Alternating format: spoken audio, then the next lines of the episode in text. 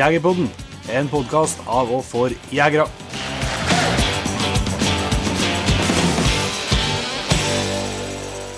Hjertelig velkommen til en helt ny episode av Jegerpodden. Jeg heter Jon Petter Meldingen. Og jeg heter Jon Ingevik. Og du Jon Inge, du har rett og slett ikke kommet deg hjem fra Hardangervidda ennå? Du sitter, sitter i vekka her òg? ja. Nei, jeg har vært hjemme om en tur, og snartur til Saltdalen mellom oss og tilbake til Hardangervidda, da. Men ikke på jakt en gang her, da? Ikke på jakt. Nå er det Dessverre. studiesamling. Ja. Mm. Men ser du noe, ser du noe rein, eller? Nei, jeg har med meg kikkerten, ja. Så jeg har starter morgenen, starter morgenen ut på terrassen på hytta her for å, for å, se, men eh, jeg mistenker at vi ligger hakket for nært rv. 7 til at, vi, til at jeg kan se så veldig mye rein oppi her, da. Ja, ja. Yes, eh, Dagens episode er jo faktisk en litt sånn spesial uh, sak. Eh, vi var jo invitert uh, på Jakt- og fiskesenteret for noen uker siden på deres rovvilthundseminar. Mm. For øvrig et veldig bra seminar med veldig mye ja, både trivelige deltakere og flinke foredragsholdere. Om et tema som vi liker, da, må man si. Så ja. vi, vi, er ganske lett å, lett å engasjere.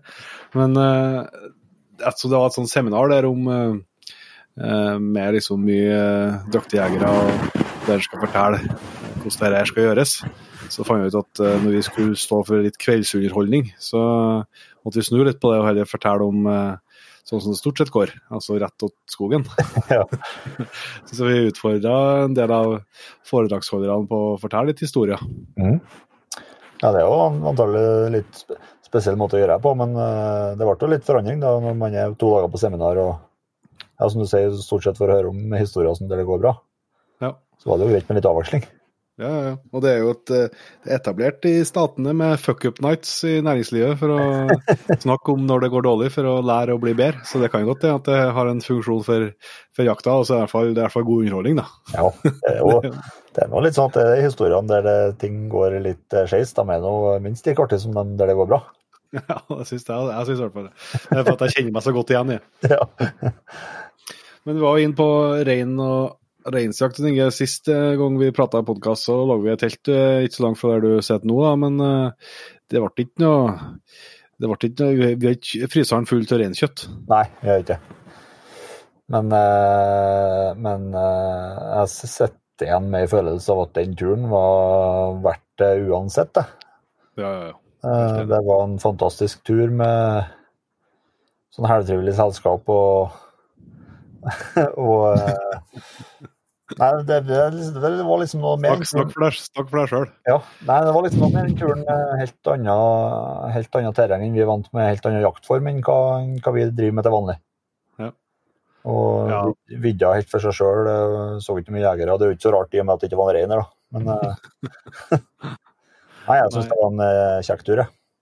Helt klart, og det er veldig lett å forestille seg hvor spennende det må være. Det er, mye, det er litt rent på gang, og du må begynne å posisjonere deg, og du skal følge med både vind og, og daler og det som er. Mm. Så jeg håper virkelig ikke at det ble eh, siste gangen vi fikk prøve villrakt rundt igjen, og fara for det. Det tror jeg vi må prøve oss på flere runder.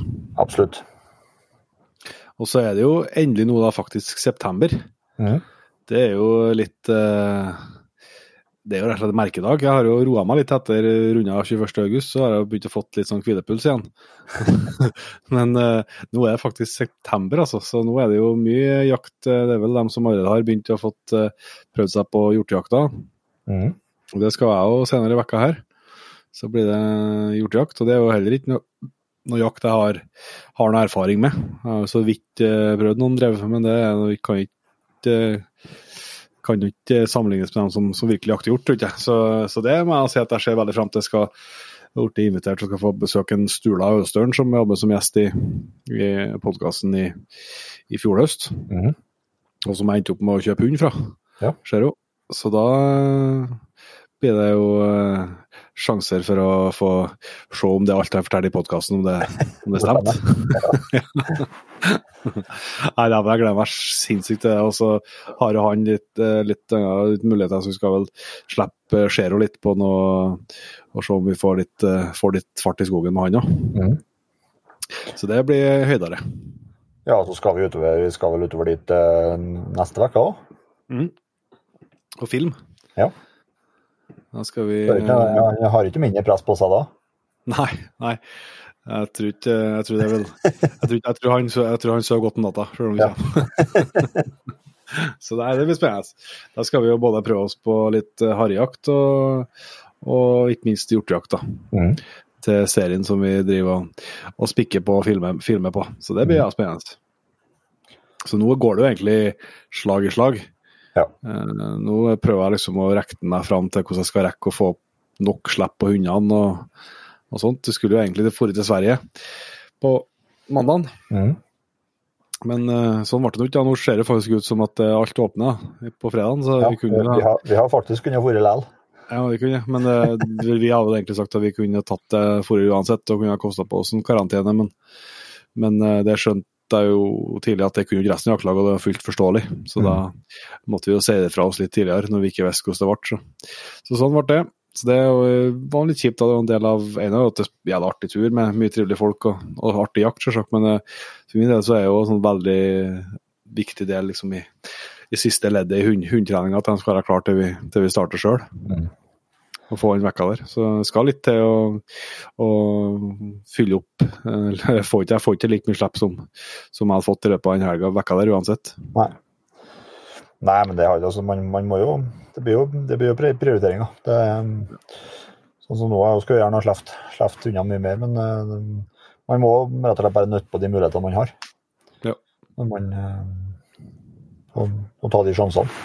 Yes. Så det Nei, det er det, det, begynner å krible også. Nå er det, ja, nå er det frost. Det ligger på null til to minus hver natt nå. Det kjenner, man kjenner virkelig at det holder på i høst, og det er veldig god følelse å kjenne på. Ja, det er det. det kan, vi var litt innom uh, hundpedere før, før vekka, men det var, vi snakka mye om det på tur oppover til, til Saltdalen nå på liveshow i helga, når uh, Milla, altså samboeren min, var ute og, og slapp hundene mens vi, vi kjørte oppover. Ja. Så uh, det er altså en, en gave som jeg tror ikke de som ikke, de ikke, har, de som ikke har prøvd eller har peiler som går på mobilbåndet. Ja. Eh, så Det er en gave som er helt eh, rå, altså. For at det selvsagt er hakket artigere å være i skogen sjøl med hundene. Men eh, det er bare så vidt, ja. For det, du får jo mye av den samme informasjonen. Og når du har sittet og kikka så mye på pedere som vi har gjort, så, så skjønner du jo godt hva som foregår. og, og har, Du sitter jo og gjør, gjør, opp samme tankene om nå skal jeg dit, og nå krysser jeg der. og så, så, det er jo mye av den samme følelsen av underholdninga er der. Ja, i hvert fall nå i treningstida. Ja, ja. Det er litt helt det samme når det er jakt, Nei, og man helst skal være med børsa, men, men når det er treningstida, så, så, er det vel spesielt god underholdning eh, når man ikke får ut og slippe sjøl. Ja, ja. Det er faen meg konge. Holder på har ganske mange hunder som en følger med inn på, inn på trekkeren, og kompishunder og sånn. og så er det jo artig å se på loser som står òg, fra Østerdalen. ja. Det er jo, jeg, tror jeg, jeg, jeg, tror det er fabrikkert. Ja. Flytta hundegården. ja. Nei, så det er noe stas. Det er jo eh, bare noen dager til årets virkelig store høydepunkt for eh, veldig, veldig, veldig mange jegere er i gang med, med rypejakta. Mm. Uh, og der har det jo kommet uh, taksteringsresultat. Det er jo selvsagt noe som veldig mange er interessert i å følge med på. Det er jo ikke vi noen eksperter på det, og sånn, men det har jo, vi har jo begynt å lese litt og prate med mye folk rundt omkring. Mm. Eh, jeg har litt sånn samme følelse egentlig som det er hvert år, at noen plasser er det veldig bra, og noen plasser er ikke det bra. Mm. Jeg eh, føler at det som ofte er litt konklusjon hvert år, men, eh, men det, det som var det som utmerka seg mest, var vel ikke i, i Viken. Jo. Plass at det var veldig, veldig bra. Um, og så oppover mot oss, så har det vel i hvert fall på Namsskogan, så var det jo ganske eller de så ganske bra med fugl, men det var veldig lite forygring. Ja. Det er litt sånn, altså, I sånn Trøndelag sett under ett så er det en sånn jevnt over, uh, jevnt over uh, fornøyd, men uh, ja, som f.eks. Namsskogan skjærer seg litt ut med at de uh, syns det er en grei, grei bestand, og at det er veldig store forskjeller bare innad i kommunen, på et vis, da, eller i statsmeldingene. Ja. og det er jo litt sånn Jeg føler at det er på et vis uh, når vi ser resultatene her nå, så er det på et vis eh, status for hele landet. At det er litt sånn mm. jevnt over bra, men at det er visse forskjeller på, på i, i, de ulike regionene. da. Ja, og så jo på et som jeg også var på Lierne og, og um, Snåsa. Snåsa at det var ganske bra. Mm. Men så ser jeg på Røyrvik at der er det veldig oppgang. Ja. Uh, men det vet jeg samtidig at i fjor som bare i hvert fall snakk om at de trodde de hadde vært veldig uheldige med taksteringa. Ja. Fordi at de hadde helt annen opplevelse av jegerne som har vært der. Mm. Uh, som til dels har opplevd kjempe, et kjempeår mm. det plasser. Uh, mens taksteringa sa at det skulle ikke være noe mye. Så det er klart at det kan, på sånn enkelte så, så kan det kanskje være noen sånne forskjeller òg, som man ja. kan oppleve. Og det kommer ikke like godt fram, det kommer ikke godt, så, så, godt fram på ryperapporten. Nei. Hvordan, hvordan uh, forholdene var under selve takseringa. Nei. Så det, så det er det vel eh, Og samme er det vel på Innlandet, så er det vel òg litt sånn uh, Ja, litt sånn middels år. Mm. Uh, men, uh, men det, er jo, det er jo ikke noe sånn, det virker ikke som det er noen plass at det er sånn helt sånn svartår, i hvert fall. da. Nei. Uh, så vidt som jeg klarer å få på meg, i hvert fall. Men nå skal jeg jo sies at det er jo ikke vi som er ekspertene på dette. Jeg kan jo gi et godt podkast-tips til, til Statskog sin og Jekker og Fisk sin podkast Mm. Jakt- og fiskepodden, som hadde en gjennomgang her. Eh, der sitter jo blant annet en som har doktorgrad i, i ja, Så det er, nok, det er, nok, skumlere å høre på han enn oss, tror jeg. men, men, det er i hvert fall eh, artig å se at det, en del plasser er litt å se fram til. Mm. Og så er jo så et sånt spørsmål på skogsfuglen. Ja. Eh, som jeg har, men det, det, er jo ikke, her er jo ikke vitenskapelig på noe vis, men jeg har jo ofte et inntrykk av at eh, at det, i hvert fall i områdene våre, at det er jevnere med skogsfugl enn ryp. Ja. Um, og det er jo veldig litt laksering på opp hos oss, i hvert fall. Ja. ja, det liksom, virker som det er litt rypa som er i fokus, men ja. Så, så må skjøte inn at det er jo Ser på, på Vestlandet, så i Eid, Eidfjord, fjellstyret der, så melder de at der stenger de rypejakta. Ja. Uh, og det er jo liksom Det er jo ikke uh, det er jo liksom på vestenden av Hardangervidda, men det er jo ikke langt unna statsmenningene som ligger på Hardangervidda. Det er veldig Det er jo ikke mange kilometer unna, men det er jo sånne forskjeller som, ja. som man eh, spekulerer på hvorfor det, hvorfor det, blir så store forskjeller at de velger å stenge, eh, stenge for rypejakta. Mm. Ja, så er det vært det snakk om det. Det er plasser i hvert fall til oss, og nå sikkert også litt nordover, med at det var veldig sen vår. Mm. Så at det har vært en del små kyllinger. Mm. Um, og også en del omlegging, rett og slett. Også. Og Det har jeg hørt fra dem jeg har snakka med som har vært i Sverige i jakta. Ja. Har det vært, uh, vært at det, det har vært dels bra med fugl, men, uh, men, ganske små, små fugl. Mm. Uh, i et område jeg pratet om, Det tror jeg ikke var omlegging, det tror jeg bare at det var lagt sent, for det var ikke, liksom, helt pipkyllinger. Nei. Nei, og det, det, er jo også det er forståelig. også. Uh, her hvor jeg har sett noe på, på oppe Halne, Halnefjorden. Mm. Uh, som er en, ja, det er en innsjø som ligger rett opp med rv. 7 her. Og, og um, her gikk jo isen i begynnelsen på juli ja. på, på, på vannet her. Så det, ja. det, det, er jo ikke Det er kort sesong, ja.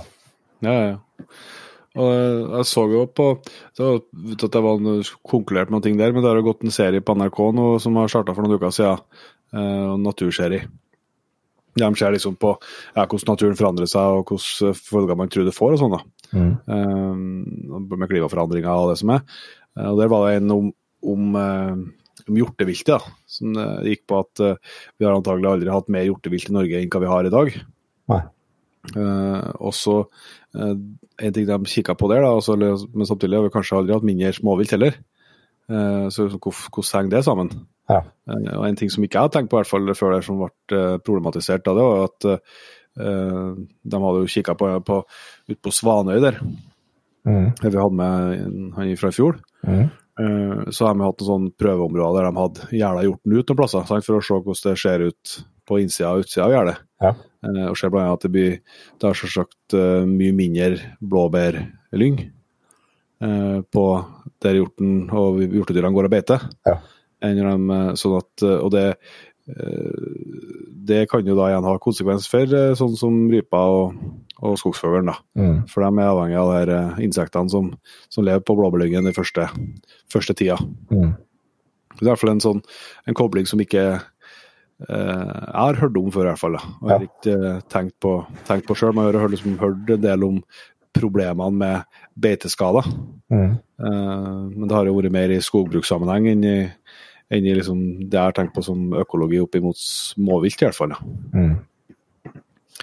Så Nei, men nå er vel nok eh, nok husering til folk som ikke kan noe. det, det kom ut en annen gledelig nyhet da, fra Jeger og Fisk eh, denne uka her. Ja, stemmer. De har jo utført eh, Det er utført um, en ny Hva skal vi kalle det? Det er jo sånn landsdekkende undersøkelse om eh, hvordan jegerne eller altså Det er vel sånn naturundersøkelser, eller, ja. egentlig. Natur- og miljøbarometer som har ja. foretatt ei undersøkelse. Det var bra for jegerstand, ja. Ja, som sier faktisk at fire av fem nordmenn er grunnleggende positive til jakt. Mm. Og at hele ni av ti har tillit til at jakta foregår på en human og forsvarlig måte. Ja. Det må jo være en oppsving. Det, ja, det var, det var, ganske bra, tror jeg. Og tror fra det var hva skal jeg se hvis jeg slurkikker, så var det 4 på økning på det som eh, om de er positive eller negative. Eh, der 78 da svarer svært eller ganske positiv. Eh, og likeens på den andre inn der, med, der var det faktisk nesten 10% 9% ja, økning på de tolv årene. På tilliten til at det utøves på humant forsvarlig måte. Mm. Så det var, var jeg på å si at altså, Selvsagt kjempegledelig. Mm. Samtidig litt eh, overraskende. Ja. Eh, gledelig overraskende, da. Eh, for at det er jo ikke nødvendigvis en følelse du får, men, men det skjer kanskje òg litt det skumle med sosiale medier og sånt. Sant? Altså at du eh, det du, Eller ikke bare sosiale medier, men sånn som media er i dag og sånt, at eh, i, i, mediebildet så får du fram bare ytterpunktene. Mm ikke den store kjernen, eller den store midtdelen. Det er jo sånn vi har snakka om rundt rovdyrdebatten. Og så, så er jo den veldig ofte drevet av dem som er veldig mot rovdyr eller veldig for rovdyr. Mm. Og så er aller fleste av dem en plass midt imellom. Eh, så det kan jo være at du får litt følelse av det når du leser aviser og, og prater med folk og sånt, og så er heldigvis ikke det fasiten på uh, allmuen, da. Så det, er, det, var artig å se, altså. Ja, det var var en uh, god nyhet nå rett før i Rett før i Eller når det når vi får til september her nå. Yep. Så, så, det var artig å se. Og uh, der har jeg faktisk eh, en slags oppfordring videre. For jeg hengte meg på én ting, skjønner Inge. Eh, på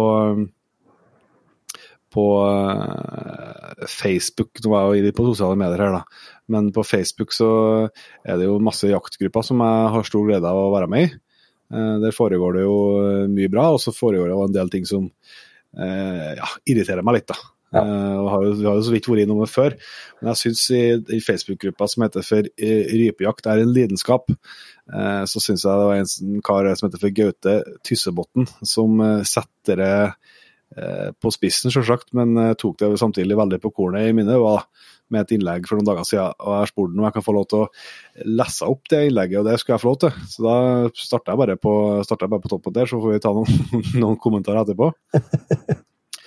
Denne gruppa er en ren terapi mens man fra februar teller ned til jaktstart i september. Jeg har, fått jeg, jeg har for å få tiden til å gå tatt meg friheten og summert noen konklusjoner fra årets diskusjoner til de som trenger en kjapp, uhøytidelig oppsummering før det braker løs. Tips til støkkjeger. Rypene blir usynlige når de blir påskutt, kjøp deg hund asap. Tips til hundejegere. Dette er støvsuging av terreng, kvitt deg med hunden asap. Tips til tidligjakt. Nedslakting av kyllinger bør unngås. Tips til vinterjakt. Nedslakting av voksen fugl bør unngås. Tips til grunneier. Alt du kan om forvaltning er feil. Fefo er satan. Jaså, du har spørsmål om ammunisjon, gå ut og skyt på et papir. Takstering, galskap så tidlig på året, uansett feil. Baglimit, satt av grådighet, ødelegger jakta. Fyller baglimit på jakta, galskap, ny til deg skyene av bålet mens, du, mens regnet slukker det. Jaktkort, umulig å få tak i, Inatur er korrupt. Hjelp til jaktkort, sjekk Inatur. Valg av sjåker, skyt papir på sju meter og selg eh, fuglsjåken asap. Løsning på alt, predatorjakt. Antall aktive predatorjegere, prikk, prikk, prikk. Ja, det er jo selvsagt da i, i, en rypekontekst, men jeg, ja. jeg, føler vel at det, det, går an å se for seg at du kan finne plasser. Ja, altså hvis man eh, trekker litt tråder ut fra det innlegget der, så kan vel det kan vel fort eh, eh, Den har like godt kunnet stått i gruppa sokfuglejakt eller rådyrjakt, elgjakt. Ja. Stort sett de fleste jaktgruppene på Facebook, for det, det er jo voldsomt mye litt sånn pirking på uansett hva, hva man legger ja, for, på og sånt. da. Ja, det, jeg må si det, altså, at jeg reagerer så ofte på nettopp det altså at uh, at det skal altså at, at, det, at det gir folk at det er åpenbart god del folk at det gir så mye å bare få kritisere det. Det, det er helt, for meg helt uforståelig. Mm. Jeg kan jo av og til tenke på at jeg ser et bilde eller ser et spørsmål, eller, men nå har nå personen tatt seg tida til å lagt ut det bildet eller spilt det spørsmålet. Mm. Så hvis du, hvis du greier å liksom være konstruktiv og hyggelig og komme med noe fornuftig tilbake, mm. så for faen gå an å bare skrolle forbi, da. Ja, det er det. Også, ja, det, det, er gjort på 0,1 sekund å skrolle videre. Så ja, har man glemt det der. Ja. Uh, og det er liksom det kommer igjen år etter år liksom, når bukkejakta starter. Og, og, det kommer sikkert noen når hjortejakta har starta nå med noen som skjøt en bukk for tidlig eller og sånt. Og det. Ja. det er så mye som den jegeren har felt det dyret vet, som ikke den som ser det innlegget vet. Ja, ja, ja. Også, ja, det er det ene. Og samtidig så er det så mye om den som legger ut det innlegget, eh, som du, den som kommenterer, heller ikke vet om den personen. Ja. At det kan være første eller eh, altså, det kan være sånn så, så, at det er helt uh, Og så er det mye av dette som, som er smakssak, sant? Ja, ja. Så, sånn, uh, og hva du, hva du, helst liker. Og, og, og, alle prøver jo å oppføre seg og være flink og, og sånn. Og så skal det selvsagt være mulig å komme med, med, konstruktiv kritikk, men det er litt sånn Det går an det er litt formen man gjør det på. Mm. Så jeg syns Gaute laga et meget, meget god oppsummering der. Og så er det jo sånn sant, også nettopp det at det er så eh, det, det, er akkurat likeens på begge sidene. Altså, ja. Man starter mer med tips og søkjegere. At det er galskap å være på søkjakt uten hund, hvor de blir usynlige, som man sier, så fort de Og de som drar med hund, de må ikke finne på, for da støvsuger terrengene. Ja. Og så vet jo alle egentlig at det er ikke sånn. Nei. Men det er veldig fristende. Så å gå, gå på. Så det er bare å slutte med, rett og slett. Syns jeg, da. Så får folk gjøre hva de vil, selvsagt. Men eh, Det er oppfordringen fra oss. Det er ganske tydelig oppfordring, i hvert fall. Ta og heller uh, Blir du irritert og ikke klarer å la det være, så scroll ned og så se om du glemmer. Og la glemt det, så må du prøve å formidle en hyggelig melding, i hvert fall, da, hvis, det, hvis du er usikker på om dette har blitt gjort sånn som du mener er riktig. Mm. Og I hvert fall når vi ser, eh, hvert fall når vi ser hvor uh, tiltru og sånn resten av befolkninga nå ser ut til å ha. Mm. Så er det ekstra viktig at vi klarer å være venner. Ja, det, men det har jo bestandig vært viktig, det. Ja, det har det. Men nå Petter, syns jeg vi kanskje skal få litt uh, historier fra Flå, eller? Det skal vi. Vi skal høre fra Eivind Lurås, Rasmus Bostrøm, Kim Jønsson og Martin Brenne, så det er bare å kose seg. Velkommen til Jegerpodden, gutta. Kjør i gang. Tusen takk for det. Oi sann.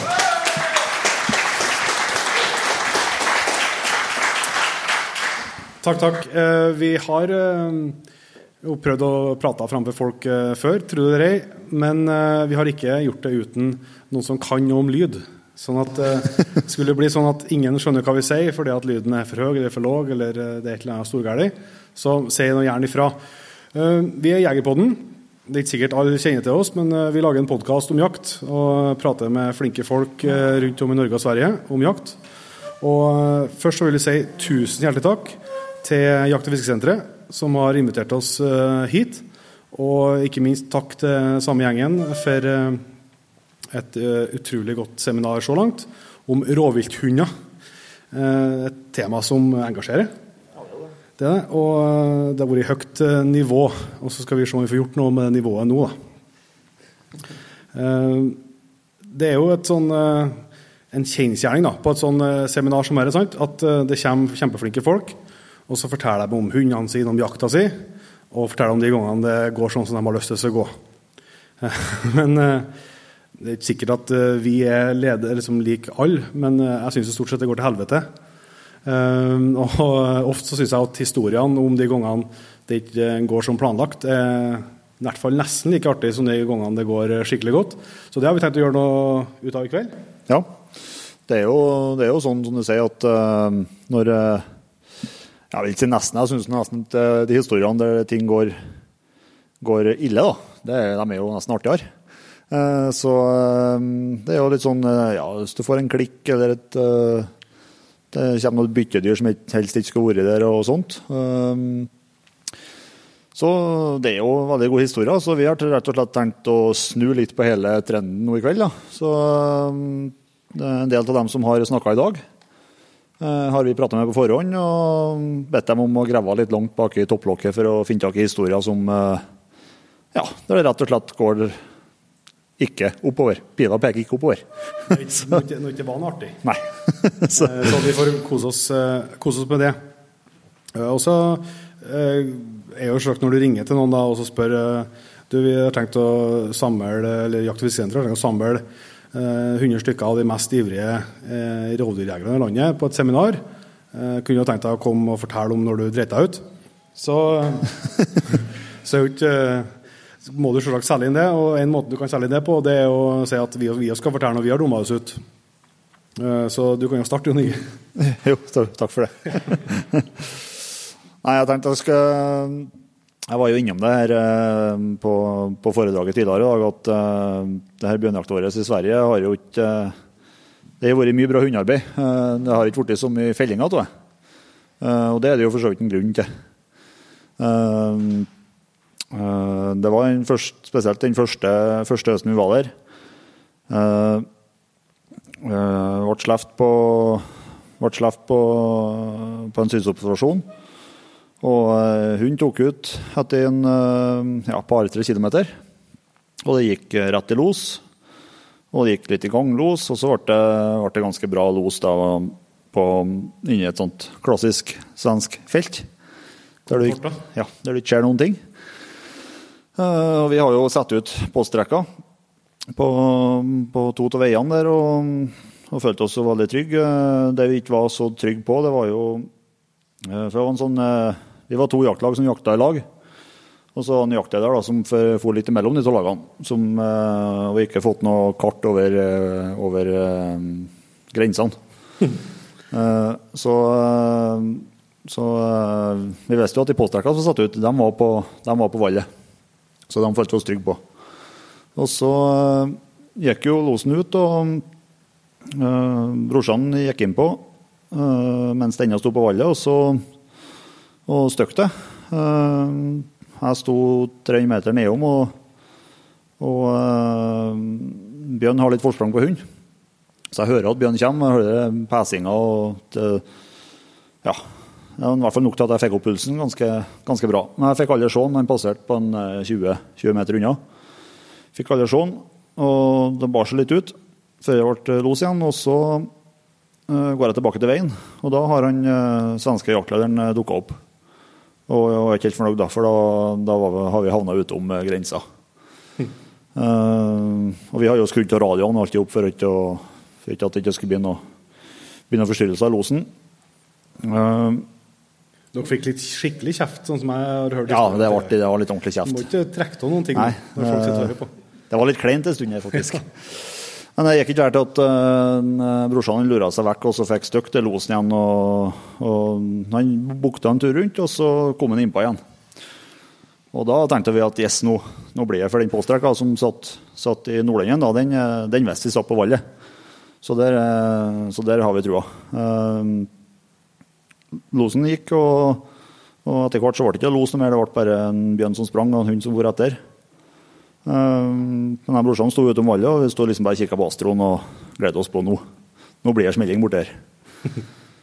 og så kommer en, eh, en poster innpå. Ja, han fikk se bjørn her nå på Han kom på en 30-40 meter.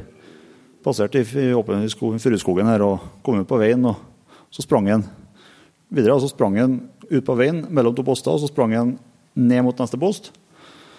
Og så skjeina han av før hånd, og så fortsetter han i skogen på nedsida av postrekka. Så det var totalt tre postere som, eh, som, eh, som fikk se da. 100 sjans. Go gode sjanser.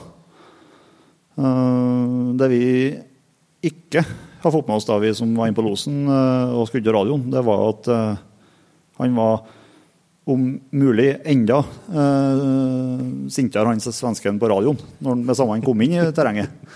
Så han har jo beordra alle postene ned og samling og, og full pakke. Så mens vi sto der og venta på, på smellet, uh, så sto jo alle postene på en parkeringsplass på enden av veien. Og losen for ut, og vi satt igjen med en sliten hund på slutten av dagen. Så og Det har liksom vært gjengangeren til den stakkars jenten som gjør som han skal.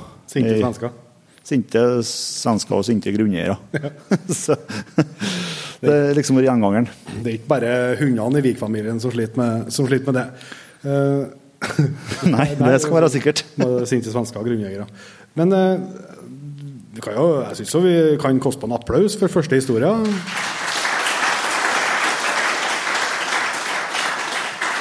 Så vi får tida til å drikke øl. Yes. Og så skal vi ha opp eh, første gjest. Det blir flere gjester i, i dag. Og eh, den første han, eh, Hvis jeg vet det, Eivind, så tror jeg at du har en tabbekvote, du som oss andre. Så du kan jo få komme opp og, og dele deler av den. Ja, det er vel ikke noe, det er ikke noe å legge skjul på det. Eh, det har gått begge veier. Ja. Så det er, det er riktig, det. Men først av alt, tusen takk for et framifrå foredrag om gaupehunder tidligere i dag. Jo, takk for det. Det er sikkert mye annet han kunne ha sagt, og mye, mye mer han skulle sagt. men det, er, det er iallfall litt, da.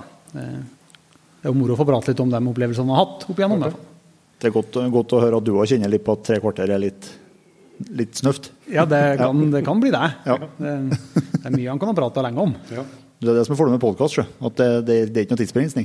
nei, nei, vi, vi, tror i hvert fall det er sånn. Ja, ja, det er ikke sikkert de som hører på, tenker det samme. Men uh, du har jo vært med oss i Jegerpodden før, eh, Eivind, og da var det jo uh, gaup som var, var tema. Men uh, hos, nå er det en stund siden. Hvordan er det? Er det har du planene klare for høsten? Ja, planene klare og planene klare. Det er jo som vanlig, det. Det er jo jobbe minst mulig og jakte mest mulig. Det er det som er, det som er håpet. Men eh, nei da, eh, det blir jo noe forskjellig jakt òg. Det er jo på en måte Altså Gaupejakt er jo kanskje det jeg syns er noe av det aller moroeste. Ja. Eh, det må jeg si. Men det er ikke sesong? Det er en forholdsvis kort sesong blitt. så det, det, er ingen tvil om at jeg bruker jo absolutt mest tid på mye annet mm. enn på andre jakting. Så nei da, det er noe rensjakt. Det skulle jo egentlig vært bjørnejakt, da nå i første som kommer, liksom, neste uke. Ja. Men det ser jo forholdsvis rødt ut i det svenske landet, så det blir reinsjakt i stedet. Ja. Ser det ut som nå, da. Eh, jeg, tror, tror, jeg, tror, det gjelder for ganske mange i salen her. akkurat det, det, det er nok flere som har, jeg tror det er flere jeg har prata med som har tenkt seg til Sverige, egentlig. Ja. Som ikke kommer seg til Sverige. så det er nok eh, sånn det er, det, dessverre. Men nei, da, det blir noe reinsjakt og noe hjortejakting og elgjakting og, og forskjellig utover høsten. Mm. Eh, og forhåpentligvis, da når Sverige blir litt mindre rødt, at den kan komme seg over og få jakta litt villsvin og noe dåhjort og andre ting. da. Ja. Mm. Så det er nok det som er sånn i første, første omgang. Mm. Eh, jeg må jo si at dere har etter hvert en ganske eh, imponerende hundepark. Ja, antallet er iallfall imponerende. Det, det, det, er det er ikke så mange som ikke driver hundekjøring, som har såpass. Nei, ja, nei det, er, det, er, ikke så mye vi ikke kan jakte nå med den hundeparken vi har, tror jeg. Så det er, det er jo noe, det. Ehm, det gjenger jo mest tid på dem. Det er jo på en måte Nå er det blitt elleve hunder da, ja. Eh, i, i, parken. Det er ikke noe mål om å ha så mange. Nei. Ehm, det var ikke det. Det er blitt sånn. Ja. Men, men, da er det jo så enkelt at da får en ikke så mye tid til å jakte uten hund. da. Eh, Nei. Da må han liksom prioritere tida på bikkjen. Mm. Eh, Så det er jo kanskje bakdelen med å ha så mange. Det er mye annen jakt han har hatt moro til å reise på. Ja. Eh, men han må liksom prioritere, prioritere litt, ja. ja. Altså, Elleve hunder er jo én ting, det er jo imponerende i seg sjøl. Men at seks av dem er tyskterriere, det er jo kanskje Jeg var jo forberedt på det, kom på en måte. Ja. Jeg har jo, vi har jo for så vidt to av de mest utskjelte hunderasene. Vi har jo masse tyskterriere, ja. si, og vi har Laika. Ja. Eh, så da får du liksom, du får tyn fra alle kanter. Skulle, skulle hatt en forster oppi det der. Jo, jo, kanskje, kanskje det. Nei, altså, det, det er overraskende bra, altså. Ja. Det er rart med det. Ja, det er, jo, det, er, det er jo godt gjort. Det er jo det. Ja, det, er, det er nok for mange som tror det er vanskeligere enn det er. Tror jeg selvfølgelig må litt innsats til. Det må det med elleve hunder, men eh, men eh, det er heldigvis hunder som funka godt i hverdagen. da, mm. Som går godt i hop og, ja. og, er enkle å ha. Det er på en måte hunder som må gjøre noe, men, men, det er på en måte fortsatt veldig overkommelig. Mm. Så nok mange, har, eh, mange ser nok fest at det er verre enn det er, tror jeg. Ja. De har selskap i De holder helvete med hverandre? Ja, det gjør de òg. så det, det gjør de. Men nei da. Det, det må jo skje noe. Det må. Ja, det. Så det blir noe med noe sommeren og varmt og sånn, så er det kjedelig tid for hunden òg. Det er ingen mm. tvil. Sånn. Det er nå bli som det blir utover. Nå blir det snart høst i hvert fall. Ja.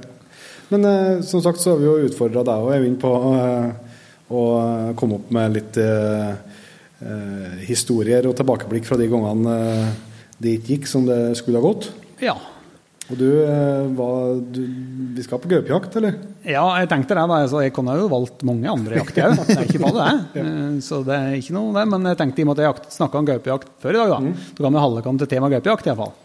Det er jo ikke vanskelig å finne noen eksempler der heller. Um, så jeg plukka ut et par, da, skal vi se om jeg får lagt fra dem. Men, um, men den første, iallfall, så det var som jeg sa i den tida vi begynte måtte, med gaupejakt hjemme i Telemark.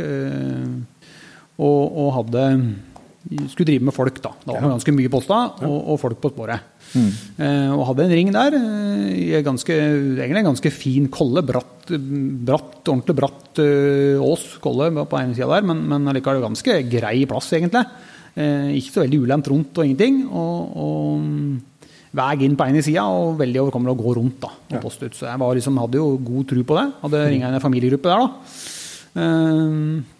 Det er vel altså, det er jo mange ganger man har sagt det er på gaupejakt at uh, spørsmålet er hvordan vi skal bli lura i dag. Ja. Uh, det har sikkert mange prøvd her uh, på gaupejakt. At de har jo en egen evne, den gaupen, til å gjøre at den, den ting du ikke trodde den kom til å gjøre. Mm. Det er jo en, den er jo på en måte det er nok et dyr som tenker og vurderer situasjoner mer enn mange andre dyr. det tror jeg nok. Så, um, nei, så her så hadde vi hadde vi satt noen poster på nedsida, så hadde vi hatt eh, ja, jeg tror det var, jeg tror det var borti 25 mann som skulle inn fra veienden på en måte, og gå rundt åsen da, og poste rundt. Mm. Så jeg tror det var 30-35 stykker kanskje som var på post. Um, og der skulle jeg jo drive han inn, da. Så vi gikk liksom, jeg kjørte jo en haug med biler inn i veienden, inn i snuplassen der, og parkerte alt og biler der, og, og posta ut mot derifra, da. Rundt. Uh, og noen av driverne de gikk jo da opp innsporet når postene var på plass, mm. og gikk opp imot toppen på den collien, da. Eh, og det er jo som det alltid er, du vet jo aldri hvor de ligger, og du, måte, det er ikke litt tid å komme oss inn. da. Så de dro den oppover. Eh, og gikk egentlig rundt i den kollien flere turer og, og, litt forskjellig uten at hun var på føttene. Uten at de var oppe. Eh, og til slutt da, så kom de helt ute ut i den bratteste berget der. Da var du egentlig rett opp ved snuplassen da, på, på den veien der mm. alle bilene var parkert. og så kom de seg ned på ei hylle, og der var liggeplassen. Der var de på føttene. Og da sto, sa de der når de sto på liggeplassen at nå står jeg her, og det er, ja, det er 180 meter ned på parkeringsplassen. Vi står og ser ned etter bilene, liksom. Der har de ligget, da. 180 meter unna og sett på 24 mann som gikk ut. ikke sant? Det er jo klassisk katte, da, på en måte. Uh, ja, ja, så var det spennende å se hva de gjorde, da. Uh, men alle var jo klare som egg, ikke sant? satt jo rundt der og var skikkelig klare for at nå skjer det noe. For de var jo tydelig støkt ut, da. Så de uh, fortsatte jo ut og ned berget. Ut til det bratteste som, som vanlig. Og de klatra etter nedover. Eh, og det tok ikke så mange minutter, det tok egentlig veldig, veldig kort tid. Eh, de gikk egentlig strake veien rett ned på parkeringen, der alle bilene sto. Det der satt jo ingen post. Førstemann satt jo 100 meter borti skogen. Eh, og det ultimate er at den ene ungen hadde vært oppå panseret på ene bilen.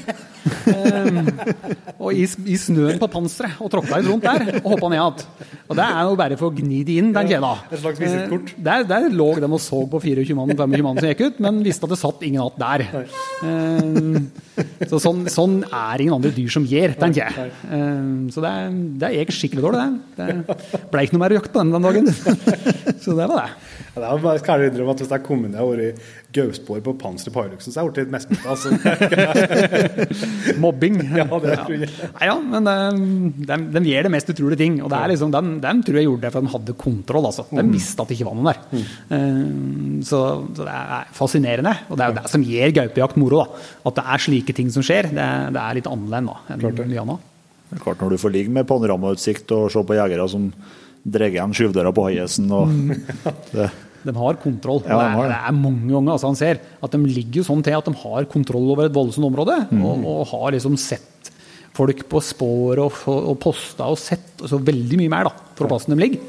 Eh, og da tar de en avgjørelse ut derfra. Da Ja, ja, ja. Da har de mye mer informasjon. Mm. Eh, og så Lyden av skyvedøra på Hilux det har skremt livet av mye, det. Eller på Highest, det har skremt mye av det. Uh, men, men, men allikevel, det, det er liksom når du får ligge sånn som du gjør, da, ofte i bratta, da har de utrolig kontroll. altså. Så nå har dere en eh, bakpost på snuplassen. Det blir nok post på den snuplassen, ja. Det blir det. Eller kikkert, da. Det er jo Jo da, dem kan dere nok kanskje sett òg. De lå selvfølgelig innpå hylla. Ja, så så de liksom bare titta over kanten og ned. Eh, Men allikevel så er det nok mange ganger altså Jeg har gått forbi så mange du, sånn, mm. der du gjeng på sporet og kikker på sporet. ikke sant? Og så kommer du på liggeplassen eh, kvarter 20 meter etterpå og ser at «Å, ja, der er sporet mitt, ja. Rett under berget. Eh, Så det er, men hadde jeg kikka høyre, så hadde jeg sett dem. Men Ja. som oftest gjør du ikke det. da. Nei. Nei, ja, så det gikk skikkelig bra, det. Men det har gått eh, Jeg vet at eh, det har gått dårlig flere ganger. Jo, det, det har det. Det har gått dårlig mange ganger. Og det er jo litt som du sa, da. Altså, det er jo øh, flest ganger så går det jo dårlig. Det er jo ikke sånn, det er ikke noe stikk under stolen at det Men, er, det, men det, er da, det er da man lærer. Det er helt riktig, og det er litt viktig. Altså, det er, ja, da, du lærer sikkert å ganger gjeng bra òg, for du så hva som funka. Men du lærer jo mest når det går dårlig. Ja. Eh, For da lærer du av dine feil, og så enkelt er det. Og jeg tror veldig mange er redde for å prøve. Det er sånn i så mange sammenhenger, at mange folk er redde for å prøve. De gir liksom ikke noe helhjerta forsøk, egentlig, for at de er redde for å gjøre feil. Ja. Eh, Og det kan du ikke gjøre. Da lærer du ingenting. Nei. Så du får bare Du må prøve. Det blir ikke noe hvis en ikke prøver. Og så får en lære av det, da, og gjøre det bedre neste gang. Så nei da, men jeg har absolutt hatt eh, flere episoder. Eh, så jeg hadde jo én til måte, med, med gaupejakt da, som jeg hadde tenkt på, som var måte, en jakt som gikk litt over flere dager òg. Jeg hadde Lenger opp i dalen her så hadde vi en, en eh, ra- radiomerka gaupe som heter Rottenheimsknut. Mm -hmm. En gammel hanne, hanne som gikk her i ja, hadde, Han hadde revir ifra, herifra omtrent, fra Flå, eh, her vi sitter nå, lengst sør. eh, Og helt opp i år, da, lengst nord. Og han, eh, det er jo da ja, borti kanskje nesten ti mil med dal. Eh, og forsvara tydelig den mot alle andre angriper, Var liksom store sjefen der. Eh, og vi hadde nok noen jakter på en tidligere òg, som jeg ikke var i nærheten av å få. han. Hoppa på Hallingskjelva en gang i 25 minus, så da bikkja satt jo alt på andre sida. Mukka ikke et sekund med opp på den. Eh, var gjennom noe tun noen gaupejegere, eller gikk forbi et kjøkkenvindu en eh, eh, sånn på, på veien en dag. men var jakta en helt annen plass. Eh, han, ja, altså han var nok, var nok borti den, men han klarte seg veldig fint. Eh, og hadde nok, var en, på en måte en utspekulert en, da. Ja. Eh, Men så var det et år helt på slutten her som jeg fikk eh, jakt eh, Ja, det var noe tilleggsdyr på slutten jakte eh, et år. Og vi hadde, da var det paringstid, så da var det ei hoe med to unger, tror jeg, hvis du husker riktig, og den. eh, Hannen, da. Da visste vi ikke at det var dem, vi visste at det var ei hanngaupe der. Mm. Som var i samme ringen. Eh, Og det begynte jo Vi hadde hatt ei gaupe på kvota. Mm. og da begynte det å sprute gauper. da, ikke sant? Når vi begynte å jogge på det her, så kom de jo ut i hver sin retning alle sammen. Så det datt en unge ganske fort, og så kom det selvfølgelig tre gauper på tre andre poster da, i løpet av noen minutter her. uh, uten at de fikk skyte, ikke sant? Da var kvota full. Uh, så meldte vi inn den uh, med en gang, og da ringte fylkesmannen opp av eh, momentant etterpå og sa at vi har et tilleggsdyr til. Det blir delt ut nå her, så fortsett. en. Det var jo ekspressbehandling, så jeg var veldig fornøyd med det. Så jeg posta jo om og fortsatte på de tre andre, da, som hadde måte nok roa seg i hvert fall i neste ring. Eh, og vi fikk ikke skyte noe mer der. Vi hadde såg eh, to av dem vel, i den ringen òg, for den smatt ut. da, Uten å vite åssen gaupe og hvem av dem eh, det var. Men smatt ut iallfall. Eh, og da ble det mørkt. Da liksom kvelden der. Eh, Så spora vi gjennom hele natta og morgenen og fant jo att den ene av dem. Og det var da hanggaupa, hvis dere ser, denne her Rottnheimsknut. da. Som hadde gått opp i en, eh, opp i en ås der som eh, ja, den er, Der er det skutt i mange gauper. Der har man på en måte hatt veldig god jakt i. En bankers. Ja, det er bankers. på en måte. Vi har hatt uh, skutt i gaupe på to-tre poster, liksom. Forskjellige poster bare hver gang omtrent. Var det der. Og det skjøt i mange der. Så han hadde liksom rimelig tro på at det her, nå er det greit. Og postrekken var tette som hagl eh, på hver side, og det var liksom ingen plasser som ikke var dekket opp, følte. Um, og Det er jo en ordentlig bratt rygg, og det var på en måte gala på nedsida og det var gala på en øversida. Så liksom du hadde stengt de bitene. da, Så du har liksom bare på skogstykken imellom og, og dekke opp. Eller hus og gala er det på nedsida. Og riksvei. Så, så jeg tok ut oppi der, eh, og alle gaupene har tatt ut der, de har gått rett nordover eh, inn på Potrekja, eller rett sørover. Og den her gikk da rett, eh, rett ned. Altså ikke rett vest. Ikke i nærheten av noe båttrekke. Drog rett ned i, over riksvei og rett ned gjennom eh, tunet. altså med bikkjen etter. da, Vi hadde jo bikkje på den den plotten av Laikan som jeg snakka om før i dag. Mm. Um, rett gjennom tunet, ja. På, på gården på nedsida. Der selv det var noe bolighus og en gard. Um, over plenen på det ene bolighuset, mellom flaggstanga og kjøkkenvinduet. Der satt da familien inne og åt lunsj på formiddagsmat på, på, bordet og så gaupa og bikkjen. Forbi. Alle utenom far i familien, for han satt på gaupepost en kilometer oppe i skogen. Um, så det var jo kjempebra. Knusa da over riksvei og over jernbane, Bergensbanen. Litt spennende der. Mens kom tog. Det gikk jo bra. Og så ble det ganglos da, på andre sida. Oppi li, høyt oppi liet på andre sida så ble det ganglos. Og den gikk i ganglos. Eh, seks timer ganglos tror jeg vi hadde på den. Eh, og det rusla og gikk, og vi kom liksom, det var langt, det var ikke veier rundt, da, så vi måtte på en måte prøve å gå opp. Og vi fikk noen poster ut etter hvert, og slik, men det, det rusla og gikk. Eh, og kom til slutt, helt på slutten av dagen, så kom det ned på én post som satt klar der. Og han er altså en garva skytter. Eh, og på en måte sikkert kort, vil jeg si. Eh, han satt på kne og fikk den ganglosen inn da, på helt åpent. Eh, men sleit med å få skyte, da, for det var jo bikkje og gaupe var på så tett i hop hele tida. Mm. Eh, og gaupa var ordentlig hissig. Den kjeppjogga bikkja hele tida, så den var liksom på, altså helt inntil han. da. Ja. Så han var jo heldigvis smart nok til å, å sitte og vente, men det ble ti minutter da, på kne i kulda der med forholdsvis høy puls. Eh, så når det endelig etter ti minutter kom en sjanse, så ble det bom. Mm. Eh, han eh, skalv nok som et åsflau uten at han følte det sjøl, men det var rein bom. Jeg fant ut det etterpå. Og gaupa dro rett opp i skogen igjen.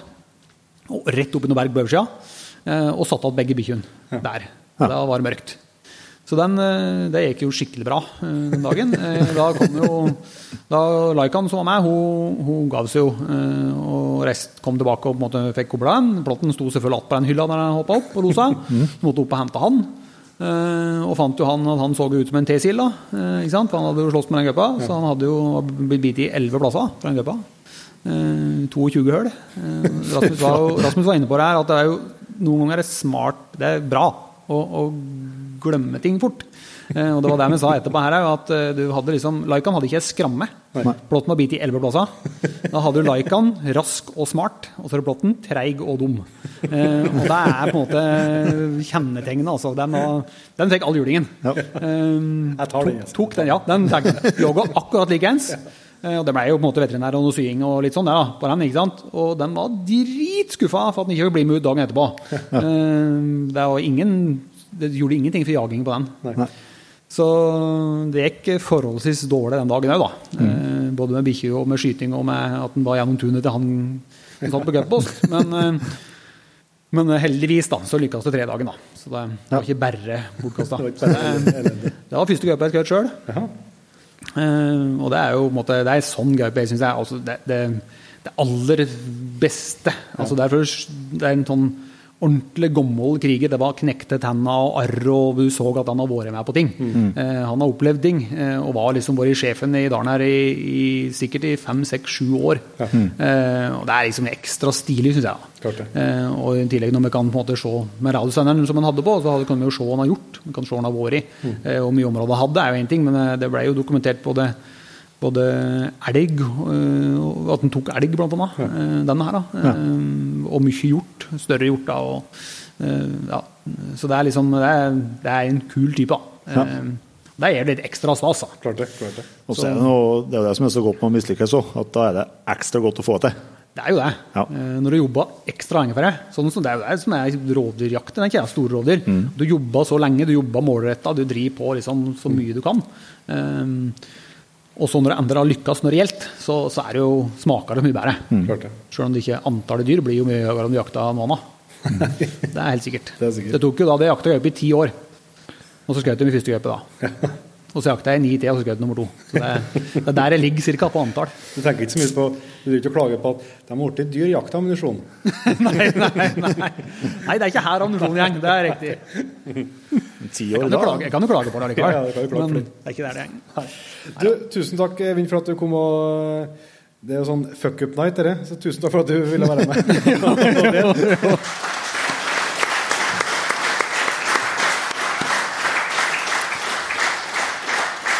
Så tar vi opp neste gjest, en gjest som jeg trodde etter å ha sett eh, Bjørnjakt 1, 2, 3, 4 og 5 ikke har gjort noe feil, men det viser seg at det har- skjedd vel. Rasmus Bostrøm, hjertelig velkommen på scenen.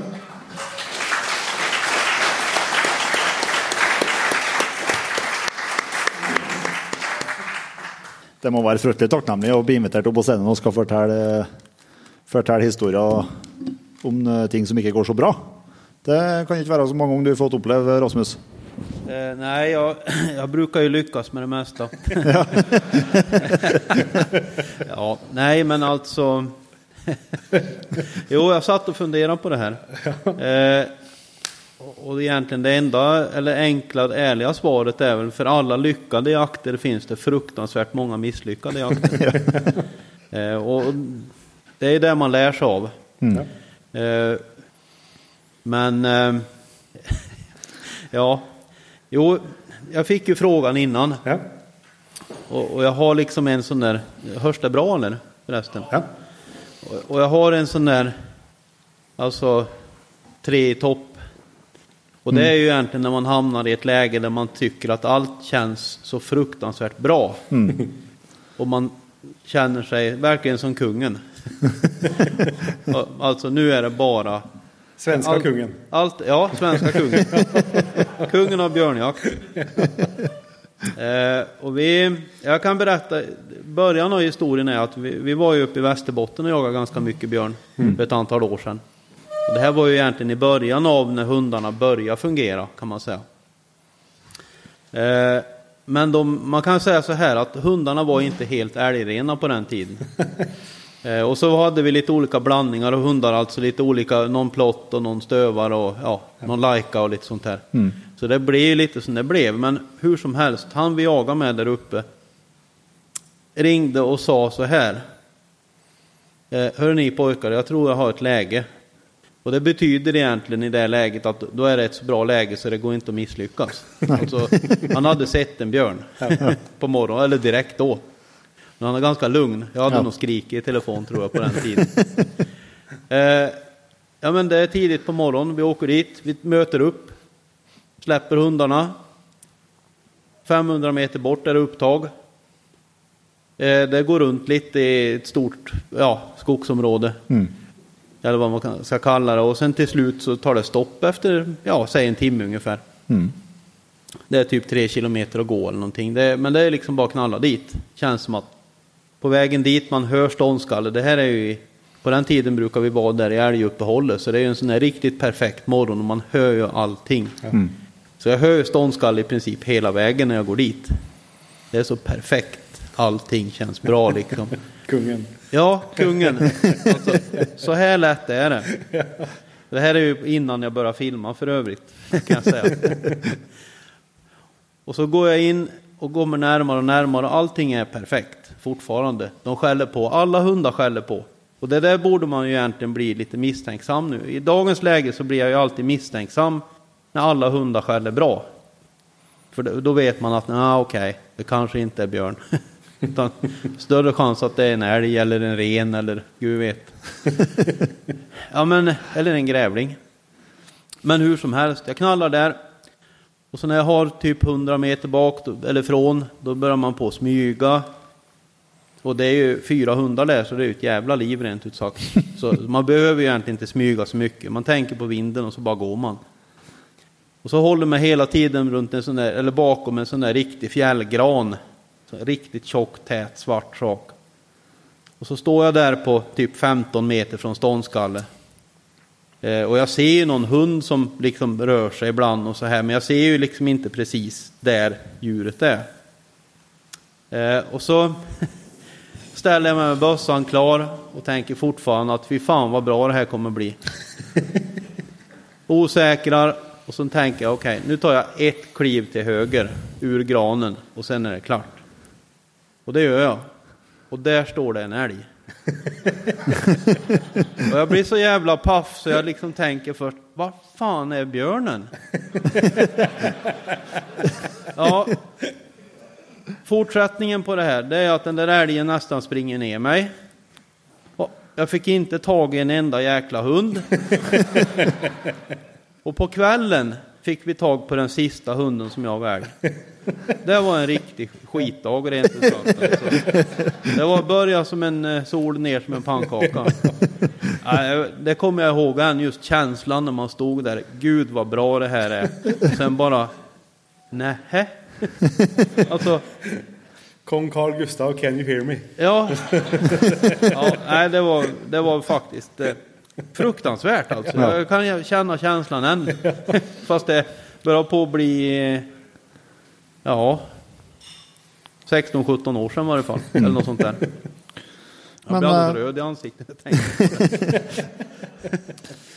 Men du, Rasmus, vi holder på å nærme oss en, eh, en, dato som er veldig viktig for deg. Ja. Hvordan blir det å sitte i Norge med karantene 20. august? Det er stengt i dag. Du, ja. kommer, ikke, du kommer ikke til Sverige nå før i 27. Nei. Nei, men det, det, får jeg ta med ro. Jeg får ta ferie i Norge istället. Ja. Nei, men er du, hvordan, er du holder på å være klar for bjørnejakten, eller? Hva sa du? Om? På, er du klar for bjørnejakten? Ja, altså Er man noensinne det? jo, men det syns jeg vel. Jeg, jeg, har vel egentlig ingenting å skylde på. Eh, men eh, ja, jo men det syns jeg. Mm. Jeg vet hvordan det kommer å bli. Den 20 augusti kommer allting være oklart likevel. Ja. Uh, inga greier er laddade och, eller man funderar vart man har, nej då, men det tror jag nog att jeg jag har koll på läget. Mm. Men se sen hur det går, det, jag har ju två så kallade unghundar. En, ja den bästa hunden jag har, Blaser, är tio år. Mm. Och sen har jag Bull som är tre och eh, alltså plotten då efter honom. Och sen har jag en finstövare som är fyra. Mm. Och så har jag en smålandsstövare som är tio. Mm. Så ehm, de här tre och fyraåringarna får väl egentligen, som jag sa tidigare idag när jag hade föredrag här så, så försöker jag i dagens läge att inte ha för bråttom. Men nu i år känns det som att det, nu är det dags. Eh, och, och visar det sig att det inte är dags nu, då är det nog dags att börja titta på nya valpar. ja, Jag måste må alltså det ja, I løpet av sist, siste avsnittene vi har sett, sett med deg, så han Blaser han er veldig ofte i, i koppel. Ja, eh, det er han for at eh, han er for bra for å Han har en stark tendens å bli skadad eh, nästan varje gang. Ja. Eh, och eh, jag har vel gjort mitt beste for å, å ikke slippe løs han, men ibland måtte man jo det. Mm. Helt enkelt for at man ser at chansen rinner oss ur hendene. Mm. Det er ingen annen som kommer å fikse det förmodligen. Uh, men samtidigt så ibland måste man ju ta chanserna också och, liksom låta unghundarna kliva mm. fram. Men uh, det är inte så lätt. När man vet vad en riktigt bra hund kan göra så ska man stå och lyssna på någonting som inte blir lika bra ibland. ja, för man blir ganska värdefull för att du ska få en lyckad jakt. Ja, ja. Mm. det är han och det är därför han inte får gå lös så ofta. så, men det, det, är... Ja, det, det, är fantastiskt kul att jaga björn med blaser för mm. man vet att det blir alltid rätt. Mm. Men samtidigt så måste jag vara ärlig och säga att det, eh, det är egentligen inte kul på det sättet att man vet att eh, ja, fronta björnen nu och så vidare, ja men då blir det förmodligen skador. Mm. Och det är ju tråkigt. Mm. Den bästa hunden är ju alltid den som är hel, egentligen. Ja. Men det är jo bra att det är en, eh, en blått eller en støver, for jeg vil jo tro etter hvert som han skjønner at eh, ja, endelig skal jeg få ut og jage bjørn, og så Nei, nå går vi tilbake til bilen. det, det må jo være bra. Han glemmer det imellom. Ja. Jo, han måste ju få någonting liksom. Ja. Det, det, tycker jag också. han behöver ju det. Mm. Eh, och, och, sen är det ju, ja, det blir ju aldrig fel, det är ju det. Eller så gott Nej. som aldrig fel. Mm. Jag satt faktiskt och funderade på om det kunde bli fel med han, men en gång blev det faktiskt fel. Det, det blev det. Och då var vi, eh, vi var i Norrbotten och jagade björn. Mm. Eh, och eh, det var ju egentligen ganska hemskt. Jag tror säkert att för er som har hört något föredrag och så här, på film tror jag inte det finns med riktigt. Men eh, på föredrag eh, så har jag ju pratat om det här i varje fall. Och det, det börjar egentligen med ett dåligt spår. Vi hade flera hundar där och försökte att få igång det men det blev bara dåligt av det. Mm. Så till slut så hade vi hundar lite överallt som sprang på olika spår. Eh, fast det var ingen, ja, det blev inget vettigt av det. Då släppte jag blaser och sen eh, knallade han iväg två kilometer och så vart det ståndskall i upptaget. Ja. Eh, och det är väl ungefär så lätt det kan vara med en riktigt bra hund. Men eh, ja, hur som helst, det där var inne på grannmarken. Och vi visste att det, det var ingen idé å ringe og forsøke å prate med dem utan det var liksom bare å låte det være, egentligen. Ja. Men da fins det jo det Et sett det är å slippe på en hund til på sporet, helt enkelt. Mm. Eh, nu var det jo det at de her hundene var jo ute på egne spår. altså, noen jaga formodentlig ren. Noen var formodentlig inne bakspår på björnen. Och en tredje hund vet jag inte vart den var. Men eh, alltså det var hundar överallt fast det var bara en som skällde björn. Eh, av alla möjligheter i varje fall så slutade det med på något konstigt sätt att åtminstone två av de hundarna helt plötsligt efter mycket om och men hamnade hos Blaser och då gick det ju loss, vilket det ofta gör. Mm. Och det kändes ju som att, ja, och det gick dessutom åt rätt håll. Och så vart det ståndskall igen. Och då var det en kilometer från en kompis bara, så det kändes som att, ja men jag knallar in och skjuter den där, sa han. Ja, klart, bra. och så knallar han iväg dit i varje fall och så, så ringer han liksom och säger, eh, det är en grävling. eh, Okej. Okay. Så då har vi alltså, det är ju, alltså grejen är att det gick ju undan några kilometer ifrån att det gick loss igen. Mm. Okej, okay, så då har vi alltså haft typ ståndskall och gångstånd på en grävling i, ja, från upptag, säg tre kilometer då. Eh, Okej, okay. nej men det, alltså det, det köper jag inte riktigt. Men och det, det, är alltså, vad fan ska man göra liksom? Det är tre, tre hundar och skäller på en grävling där. Och det börjar förmodligen med en ganska stor björn. Ja. Men, eh, och det var och för sig misslyckat så långt och sen fick vi faktiskt björnen ändå. Ja. Så, så det vändes till något positivt för oss allihop. Men just där och då hade vi inte haft blaser i det läget. Mm. Och jag vet fortfarande inte vem, vilken hund som börjar göra fel där. Nej. Eh, de andra två hundägarna hävdar ju att det var Blasers fel och, och jag hävdar att det var någon av deras hundar. Så vi kom ingen längre i den diskussionen. Men, eh, och björnen låg bara 80 meter därifrån. Han hade ju bara liksom lagt sig tryggt då. När hundarna släppte han tog grävlingen istället så mm. var han liksom klar. Ja. Så, men eh, ja, det var ju en halvt misslyckad. Hade jag inte haft laser i det läget så hade vi aldrig hittat björnen igen förmodligen. Ja. Så ja. Men jeg har et i notaten min här, et om eh, en Oryx og ja. en jettestenblokk Ja, det var også Norrbotten. Ja, ja. det var hemskt var det. Och den björnen hade vi upp också faktiskt. Ja. Alltså vi hade en bra jakt på den. Mm. Och, och liksom då är man där och, och, tycker att livet känns bra som vanligt. Och jakten är igång och det är sent på hösten, liksom slutet på september. Och och det var folk ute och hur den är så det gick ju loss, eller gick ur passlinjen om man säger. Mm. Och, och, sen, eh, ja det, det drog väl ut alltså på något konstigt sätt. Jag tror att det var så att björnen gjorde, han gick varv på varv i sitt eget spår i en liten ungskog, mm. kanske på några hundra meter bara. Men innan Oryx hade fattat det så gjorde han två varv till. och då fick björnen ett försprång ja. på, ja, säg fem minuter. Mm. Eh, och sen drog det liksom rakt ut och ja, de postade väl de gubbarna som det lätt kan bli då. Och så här. Och ja, det, och så vart det ståndskall igen. Jag tänkte ja men det var ju bra då. Jättefint liksom. Jag kunde ju se på pejlen hur det liksom drog iväg och så följde den någon väg och sen for det upp i någon berg. Ja, och så jag knallat på där i varje fall och kom dit och då står han ju i ett, ja, ett stort stenblock. Mm. En, som är sprucket då. Ja. Då tänker jag, fan, jag har en björn här inne. Ja, det var ju inte illa liksom. Och det finns faktiskt med på ett, nu kommer jag inte ihåg om det är svensk björnjakt nummer två eller tre. Jag kommer inte ihåg, men jag tar i varje fall ut Oryx och, och frågar han, eh, att eh, det är nog bäst för dig att det är en, en björn där inne. Eh, men det visade sig att det var ju en grävling. Så det som hade hänt egentligen, det var ju att den här björnen hade väl fått lite försprång och håll i vägen. Ja. Eh, och under tiden där var det högst sannolikt en grävling ute och gick. Så ja, då var det det istället. Tjoff! Och den här björnen fick ett sånt försprång då så han eh, höll vägen i en eh, kilometer till ungefär. Ja. Sen vek han över, vek han av vägen ner till en sjö. Och sen simmade han uppenbarligen över sjön, för det var sista spår vi hade av den.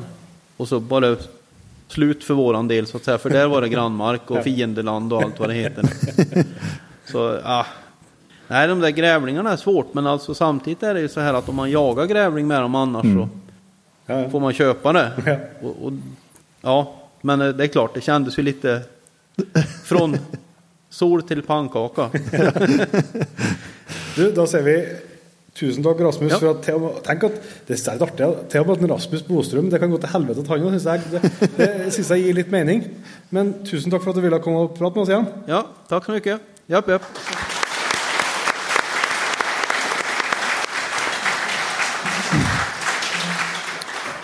Da skal vi få fram en gjest som jeg vet av egen erfaring har eh, veldig mye veldig mye tabbekvoter. Så Kim, vær så god.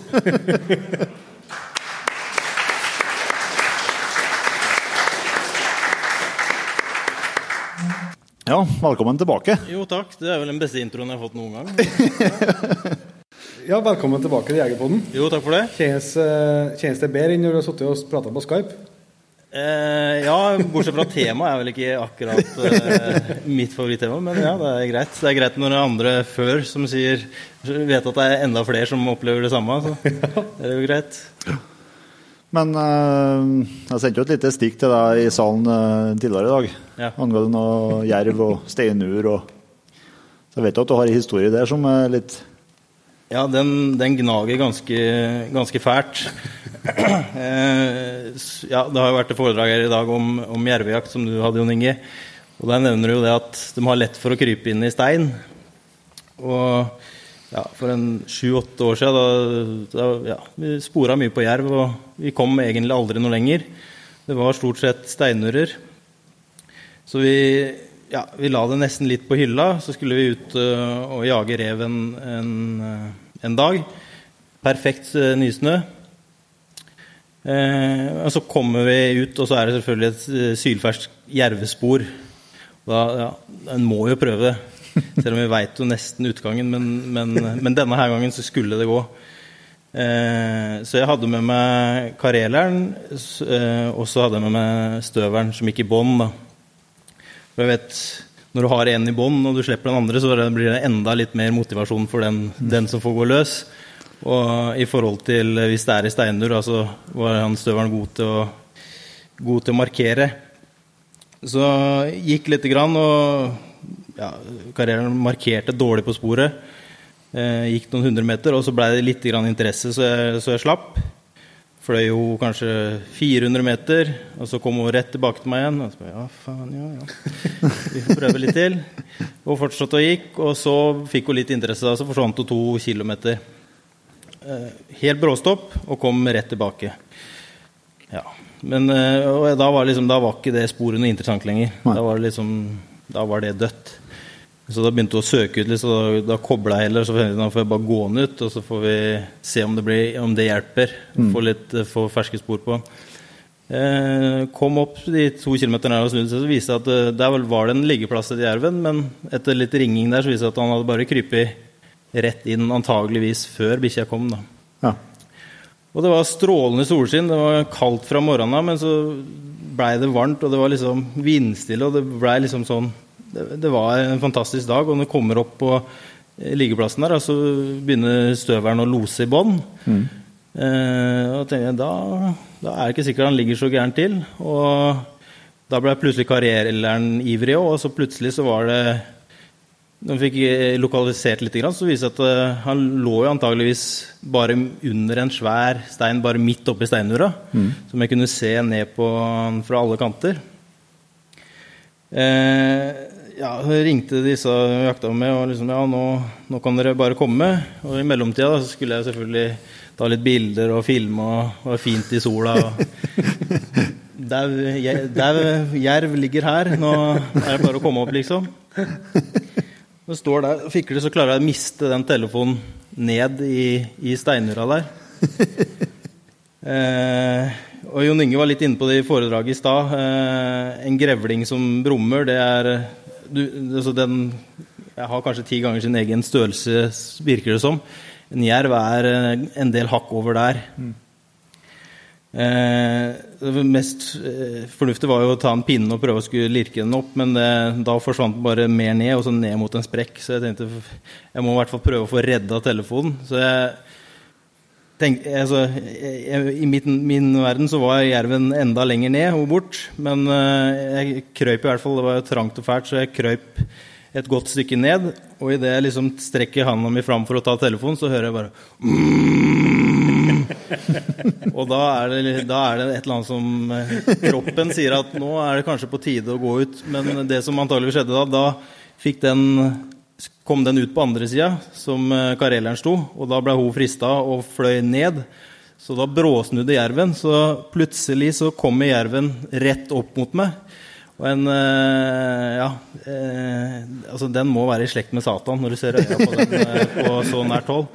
det var jo ikke plass til to av oss der, men heldigvis så var det en, en åpning til rett ved siden av meg, så den, den tok den, den, åpningen der, heldigvis. Og en naturlig reaksjon i kroppen er bare her må jeg ut. Men hvis du har ligget nede i et høl en gang og prøvd å skulle ut fort, så er det bare én ting som skjer, og det er at du smeller huet så, fort, nei, så hardt i steinveggen over deg som mulig.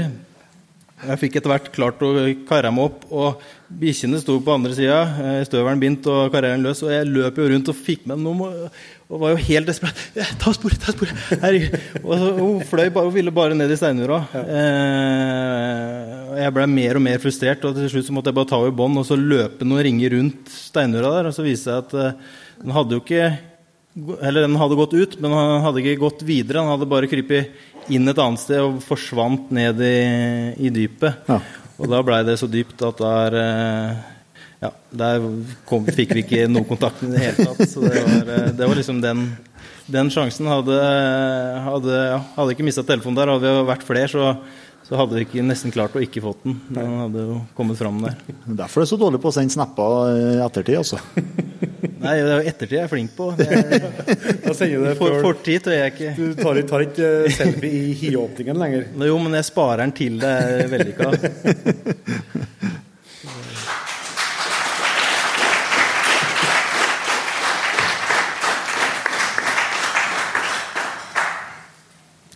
Du skal jo prate uh, i morgen uh, om revejakt. Ja, det stemmer. Uh, det går stort sett bra, det, eller?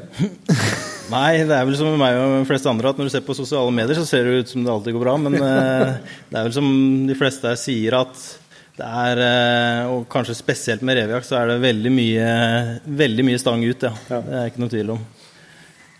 Det er, det er bare solskinnshistoriene en vanligvis hører om. Men, men det, er, eh, det er en kjempegod motivasjon for å drive på videre. og Hvis det, i hvert fall tenker tilbake på de første åra jeg jakta rev, hvor vanvittig mye stang ut det var, eller udugelighet, eller hva det var for noe. Men, men den der, når du endelig klarte å få i hjel en rev for bikkjene, mm. hvor, hvor, sterk den mestringsfølelsen var mm. eh, Og den blir nesten litt sånn avhengighetsskapende. Så det er, det er, det er den endelig kjenne på den lykking, altså det å lykkes som, eh, som gjør at de, de, dagene går dårlig, det, det, forsvinner egentlig bare rett i kjelleren. Det, det glemmer man etter hvert. Bortsett fra de verste, verste tabbene. De brenner seg fast. Ja, altså det, det er jo for Med alle de dagene det går dårlig, så er det jo Det er jo helt utrolig at vi gidder å holde på med det. Ja, det er jo det. Så mye ja, diesel og ja, lite søvn og kulde og Nei, det er, det er ganske utrolig. Ja. Det er en, det er en diagnose. Eh? Det er en diagnose. Ja, det er det. Det er ikke noe tvil om det. Det går litt ammunisjon, da. Det er fordelen. Ja. Men det hadde gått mer på andre ting. Ja. Nei, men Du har vel noen historier, mer historier på lager, du? Ja, jeg har en eh, fra revejakt i fjor. Eh, det var en av de første dagene jeg fikk vært ute i fjor. Eh, perfekt sporsnø. Eh, bikkje, altså det var første turen til eh, terrieren. Eh, hadde så, jeg var så, så innstilt som det går an på å være at i dag skal jeg gjøre alt jeg kan. Dette her nå skal, skal det ikke stå på meg. Ehm, så jeg, jeg gadd ikke engang Når jeg fant et ferskt revespor, så slapp jeg ikke støvelen. Da, da skulle jeg gå ut reven, for da skulle jeg, være, jeg skulle ha en revelos. Jeg skulle ikke, det skulle ikke bli noe kluss. Ehm, så gikk en halvannen kilometer, kanskje. Ehm, og så fant jeg en liggeplass rett ved siden av hi. Det hadde snødd i løpet av natta. Og mye gamle revespor rundt hiet. men det, var, det ferske var inn. Så var det tilbake å hente terrieren og inn igjen med, med støvelen og terrieren. Eh, og slipper inn terrieren. og Det er som sagt det er første slippet på terrieren, så det er alltid litt sånn spennende å se hvordan den faktisk reagerer. Men her var det, det var egentlig bare rett inn. Eh, lette litt rundt, fant, fant reven. Kontakt, flytta seg bra. Eh, og når det er sånne situasjoner Hiet så kjempefint ut. Det var flere innganger, og det var, eh, var sand. Så det er liksom Vanligvis er dette ja, Jeg kunne vedda ganske mange penger på at eh, det, i dag skulle få, eh, dette en rev, ja. Eh, så det brøyt bikkja etter ja, fem-ti minutter, som er egentlig veldig, veldig bra. Kom, fikk lokka henne bort til meg, satt henne i kobbel, og nå, nå kommer den.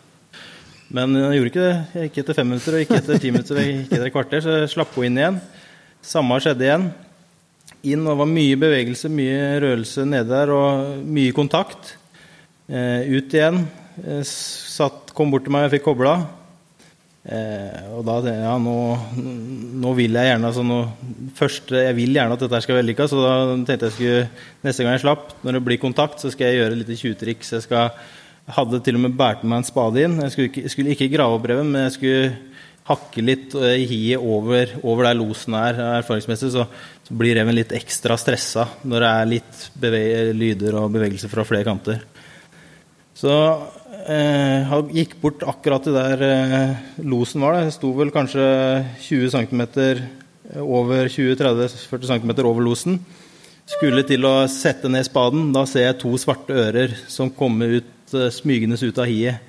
Og da er det å forsiktig skulle prøve å sette ned spaden og prøve å få tak rundt eh, hagla på ryggen. Eh, men det skjønner jo reven, så den, den forsvant jo ut i en vill fart. Fikk jeg tak i hagla, og i akkurat det ja, føler jeg fikk inn svingen, der var det et eh, furutre som fikk hele den svermen. og akkurat i det smeller, så hører jeg veldig leven under bakken. Da har uh, har reven, og reven fått tak i bikkja.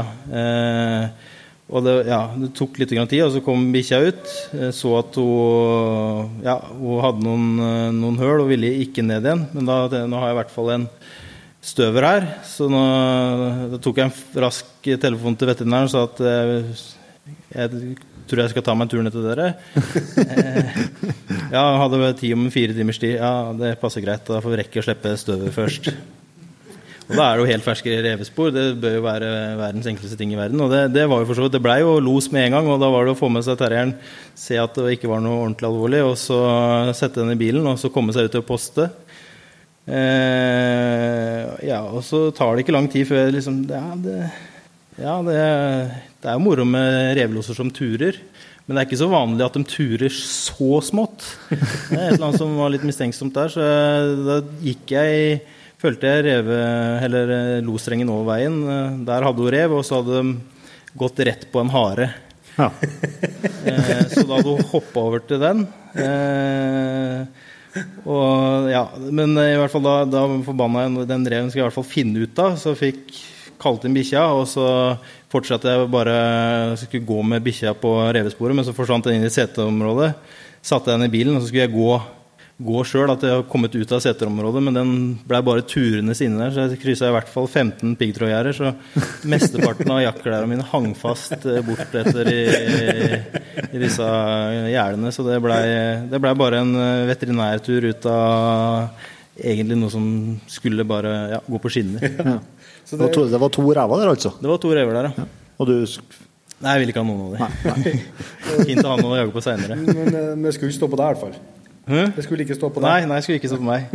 Så, men det som var i hvert fall bra oppi det hele, en sånn, en sånn opplevelse i, som første eh, opplevelse for en terrier kan jo være, være veldig dårlig, da. Men eh, det er i hvert fall trøsten i det hele tatt ja, eh, ja, hun fungerte egentlig veldig bra neste gang òg. Og, og, terrier og rev skal jo selvfølgelig aldri slåss, men det var nok, de fikk nok et støkt når det smalt over huet på dem. Så da ble revet Ja, en av de som skvatt, så da følte reven at de ble litt for nærgående, tror jeg. Ja. Tusen takk, eh, Kim, for at du, at du kom hit og ville ha del med oss. takk for at vi kom med. Ja. Stor applaus til Kim.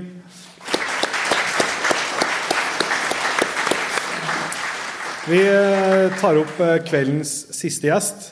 Martin Brenne, du har noe å dele? Hallo? Halla. Halla. Halla. Eh, jeg og Inge, og sikkert flere i salen, følger jo med for å, er også heldig at vi får lov til å se på en del av jakta som du, du driver med. Men, og det ser ut som det går veldig bra. Ja, det går alltid bra, det. ja, det ser jo som sagt at det går det ganske bra, men er det sånn riktig hver gang? Ja, Det vil man jo svare ja på, men uh, Det er bare sånn at når du Når du filmer, da, så er uh, Så er det ofte litt større forlading og sånn, og når folk gjør feil på film, så blir det ofte ikke noe å vise på film etterpå. uh, av diverse grunner. og av den grunn så går det også ofte litt sånn halvdårlig. Eh, selv om det ser veldig bra ut. De klippene man leverer, de, da velger man det beste. Ja. Mm. Eh, fordi at eh, visse gloser og sånn er det greit å bare styre unna. Altså. eh, diverse hunder med fornavn og, da er og sånn, så er det Nei, men det er litt, du, skal, du, skal, du skal vise dette utad, det er ikke bare jegere som ser det. Nei, nei. Eh, og selv om vi i jegerstanden syns det kan være kjempemoro med disse fornavnene, så er det ikke sikkert det ser så veldig bra ut. Da, ja, det er et godt mm. poeng, det er selvsagt. Så det er jo ikke det at vi ikke viser ting som går galt, for det tror jeg vi egentlig kunne høsta ganske bra på. Eh, men eh, jeg tror ikke jegerstanden hadde høsta bra på det i det lange løp. Nei, det er et godt poeng. Så det, derfor ser det alltid bra ut. Ja. Da er det bra vi har sånne kvelder som dette her, det er bare jegere samla. Ja, det var det som uroa meg litt. Men uh, før, før, vi går dit, Martin, så du er jo en ivrig bjørnejeger blant annet. Hvordan er du klar til, er du klar til premieren? Oh, nå ligger lista høyt her på det, men uh, Jo, men jeg har vel gjort så godt jeg kan i sommer og, og trena hunder. og ja, Det er jo ikke å stikke under stol at det er koronaspørsmål ved det. Uh, så er jeg heldig å ha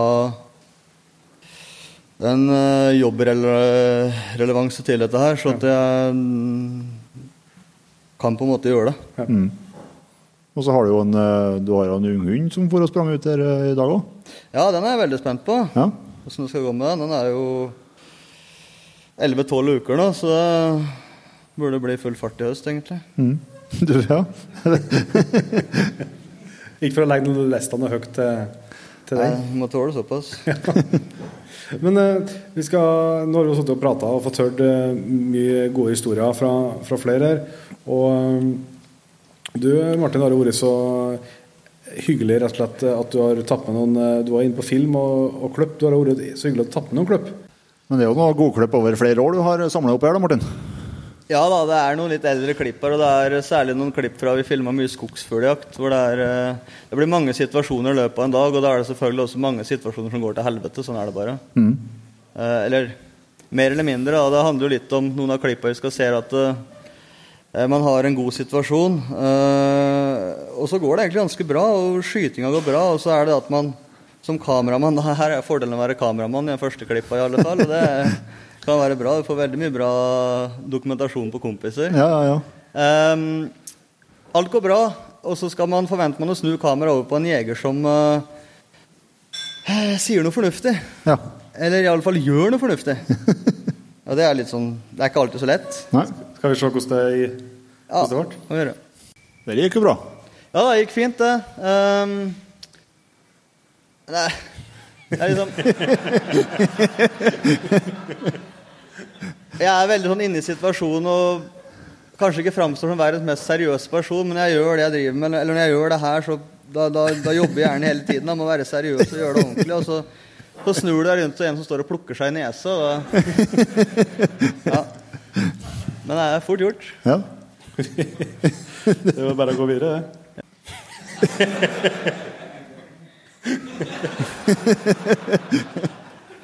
Ja, det har jo blitt en eh, Det har jo blitt en kommentar. Det her gidder jeg ikke mer. Det er da min kjære tidligere partner in crime André Lund, da, som eh, har noen gullkorn på lager stort sett alltid. Eh, ja, det er Sånn skjer. ja, det er det. Jeg tror du Jeg har sett samme reaksjoner på deg, Jon Petter. Ja, Det som skjer her, da, det jeg kan ta innledningsvis, her, er at eh, vi hadde veldig bra med fuglen. Vi holdt på med dette her. og Da blir man litt nonsjalant eh, i situasjonen etter hvert. Eh, og så har vi en stand ute på ei ganske stor hogstflate med bare smågran på. Jeg har skjønt hvor den fuglen sitter, for den hunden jakter meg, hun var veldig presis i stand. Jeg skjønner at fuglen sitter der framfor disse smågranene litt høyt i bildet der. og tenkte jeg skulle gjøre en kjempeartig greie med å kaste en eh, Plukker man jo opp, eller plukke opp en pinne da, og kaste Bare bevise hvor sikker jeg var på hvor den fuglen satt. Skulle kaste en pinne på den.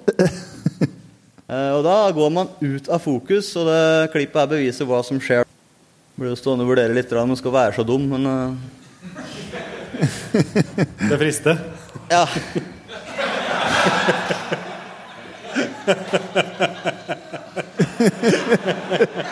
Så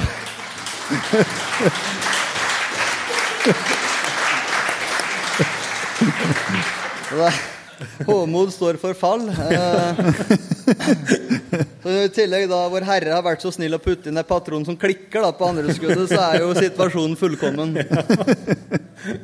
Så det Men nå kommer det en som en av mine perso personlige favoritter, som jeg tror at eh, Jeg tror en del hundførere i hvert fall liksom, kan, kan kjenne seg igjen. Jeg tror vi bare kjører den. Jeg tar aldri hansken mellom beina når du skal titte på peilen, i alle fall. For det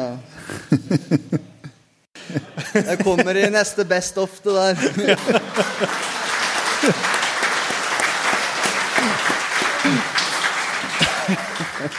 Og inn, innkallinga satt jo så jævlig godt. Som vanlig.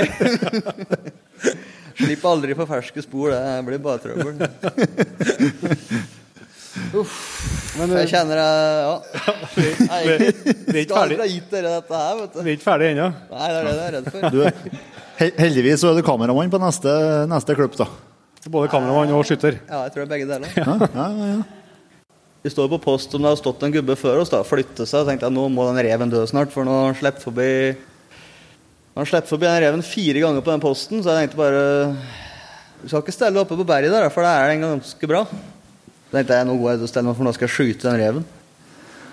Uh, og det var også noen 100 sjanse, da. Det Skal vi se. Ja.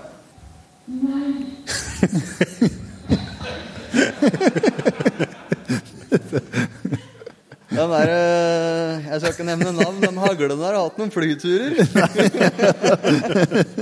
Og det er litt tilbake til det med offentligheten, så er det kanskje ikke helt innafor, men i det forumet her så får vi kanskje tåle det. Det blir noe kasting av børser iblant. Du, vi har et, eh, et, en sterk historie fra virkeligheten på siste her òg. Du kjører den. Da har du noen innledning, eller skal vi bare Mel uten navn. Ja, det Nei, her er Du i jo også bak kamera. Da. Vi hadde holdt på å- strule litt for å få det villsvinet her. Og så så vi at vi kom til å få en veldig god sjanse ute på halvøy. Um, og en uh, Mr. NN her da er ganske bra på å skyte, så det var, det var opplagt at vi kom til å få en bra felling på villsvin. Vi kan jo se åssen det gikk. Du tok ikke? No. Jeg tok egentlig veldig dårlig. Nei da, alle vet jo at det skjer, men det er jo ikke alltid det skjer når du har uh, videodokumentasjon på det. nå er ikke jeg en villsvinjeger, men jeg syns den sjansen der virka ganske fair. Ja, det er jo en 200 sjanse, det der. Det var bra filma, da. Ja, veldig godt. Da sier vi tusen takk, Martin, for at du kom og delte litt uh, fuckups med oss, du òg. Takk skal dere ha.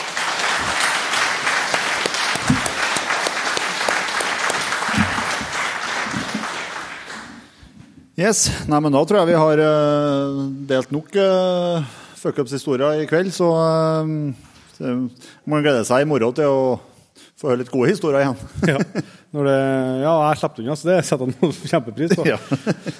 Eh, Da tror jeg vi skal runde av her, og så skal vi si tusen hjertelig takk til Jakt- og fiskesenteret, som har invitert eh, oss to og alle andre i salen eh, hit til dagene her. Fantastisk opplegg. Og så tusen takk til dere som kom og delte historier, og en oppfordring til, til resten i salen og folk som hører på dette som podkast. Det, det er ganske artig å prate om når det går til helvete. Og så lærer vi av det, som Eivind sier. Og så eh, blir det litt lettere eh, å svøle når det først går åt skogen. Så eh, tusen takk for oss.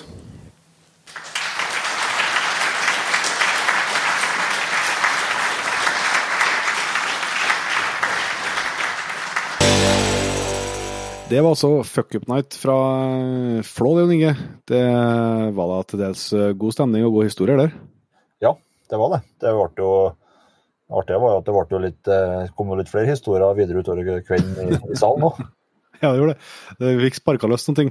Og eh, det er som jeg har nevnt, at eh, jeg tror litt på det å fortelle om når det går dårlig, og ikke minst kanskje vurdere det i sosiale medier går an òg, når det ikke klaffer.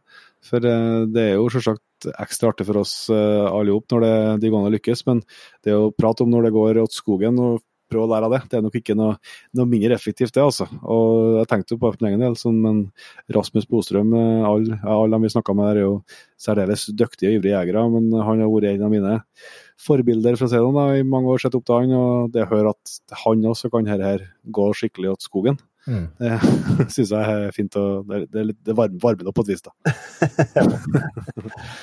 og så skal vi bare skjøte inn det at, eh, som dere hørte på slutten der, så hadde han, eh, Martin med litt eh, Mm. Uh, som, en, eh, som til dels er ganske, ganske underholdende, vil jeg si.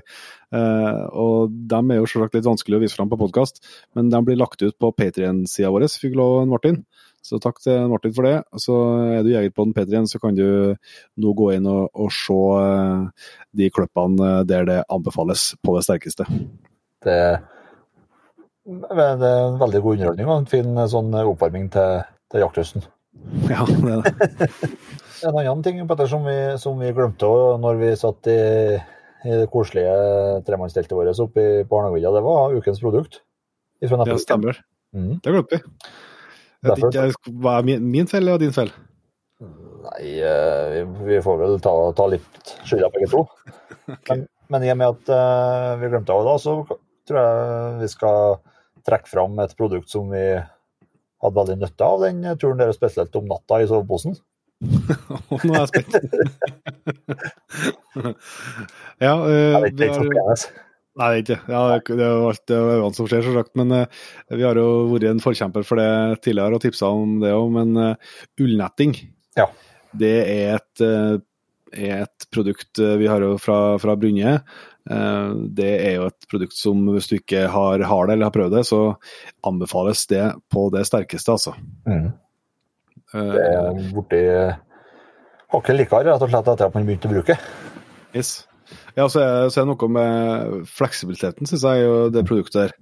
Altså, du kan bruke Sjøl jeg som eh, er veldig varm av meg, tar gjerne på meg en sånn ullskjorte som jeg vet at det, For at det, det er ikke noe som Det blir jo bløt og svett ennå når jeg går med svett, men det er ikke noe som eh, er likere å ha på seg, det har jeg funnet i hvert fall. Um, når man skal bære tung sekk eller sånn. Nei. Og likevel så varmer jo utrolig òg. Mm. Når du ikke aktiviteten er like høy og du vil ha for litt for varmen. Og så, og så tørker de eh, ganske fort òg. Ja, ja, ja, de gjør det. Prinsippet er jo at du får eh, eh, altså mindre kontaktpunkter mot huden, sånn at det er lettere for fukta å transportere seg bort. Mm. Eh, og at du får luft der som, som varmes opp. da. Så eh, jeg, jeg, tror vel snart jeg har netting. Enten så har jeg nett, bare netting, eller så har jeg snart netting på innsida av alt. Ja. mer, mer alt det, alt er, tror jeg. Så jeg har blitt helt, helt frelst for det. Og nå har vi jo i nettbutikken en en med vanlig standard, skal jeg si, med, med rund hals mm. uh, og longs. Og så kommer det i tillegg nå ganske snart uh, en sånn uh, med en så, polovariant. da, ja. Sånn at du får litt, litt mer opp i halsen. I hvert fall Det kan være godt når det begynner å bli litt kaldere enn det er nå, i hvert fall. Mm. Men jeg syns den Jeg har hatt bare et sånn polovariant tidligere av netting, i hvert fall. Mm. Så jeg syns det er veldig godt å ha, ha begge delene. For så når det er varmt når du bruker, så får du utrolig mye mer lufting ut når du ikke har der, den kragen liggende oppi nakken. Altså. Stemmer. Så det er et uh, hett tips, bokstavelig talt, rett og slett. Ja. Så er det ekstremt godt å ha i soveposen når man ligger ute når det bekker sånn under null grader. Da er det godt å ligge i unnetting i soveposen eneste minuset med ullnetting det er at uh, du må se meg, og jeg må se deg. Det, det er eneste. Det, det, det, er ikke særlig sexy. Det er vel ulempen. I hvert fall ikke på stående. Det finnes sikkert noen kandidater på jorda som det ikke er så tullete på, men akkurat på stående så er det ikke det, er ikke, det blir ikke noe bilder på sosiale medier og sånt. for å si det sånn. Nei, men da tror jeg vi skal begynne å gå, gå inn for landing, Jon Inge. Og du skal få gå tilbake til det du holder på med oppå Hardanger. Men først må vi jo selvsagt eh, takke et uh, vakkert knippe med nye Jegerpodden Patriens. Ja. Så starter vi bare på uh, toppen der og sier tusen takk til Peder Anker Raksj. Espen Øverby. Gordon Fjell. Einar Båfjelldal. Rune Kvanli. Lars Anders. Terje Samuelhaug. Christian Graffer. Atle Karlbekk. Håkon Kvernland. Kim Ollestad. Arnt Utgård Holberg. Sander Iversen. Lars Tutanrud. Stian Vegland. Rasmus Gisholt. Per Alf Nederland. Joakim. Og Øystein Loen. Tusen hjertelig takk til alle dere, og selvsagt til alle dere som allerede er patriens. Vi er meget, meget glad i dere.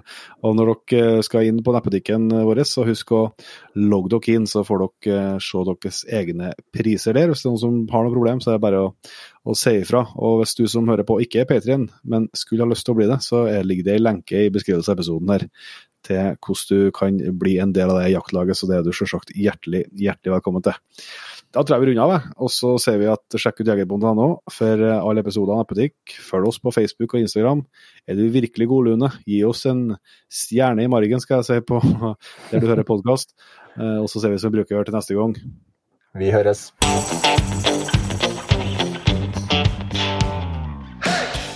Tusen hjertelig takk for at du valgte å bruke litt av tida di på Jegerpodden. Sjekk ut jegerpodden.no eller eh, din favorittpodkastspiller for enda mer innhold og flere episoder. Følg òg Jegerpodden på Facebook og Instagram, og ikke minst, husk å fortelle alle gode venner, familie og tilfeldige forbipasserende om Jegerpodden, sånn at vi får spredd det glade budskap videre. Vi høres.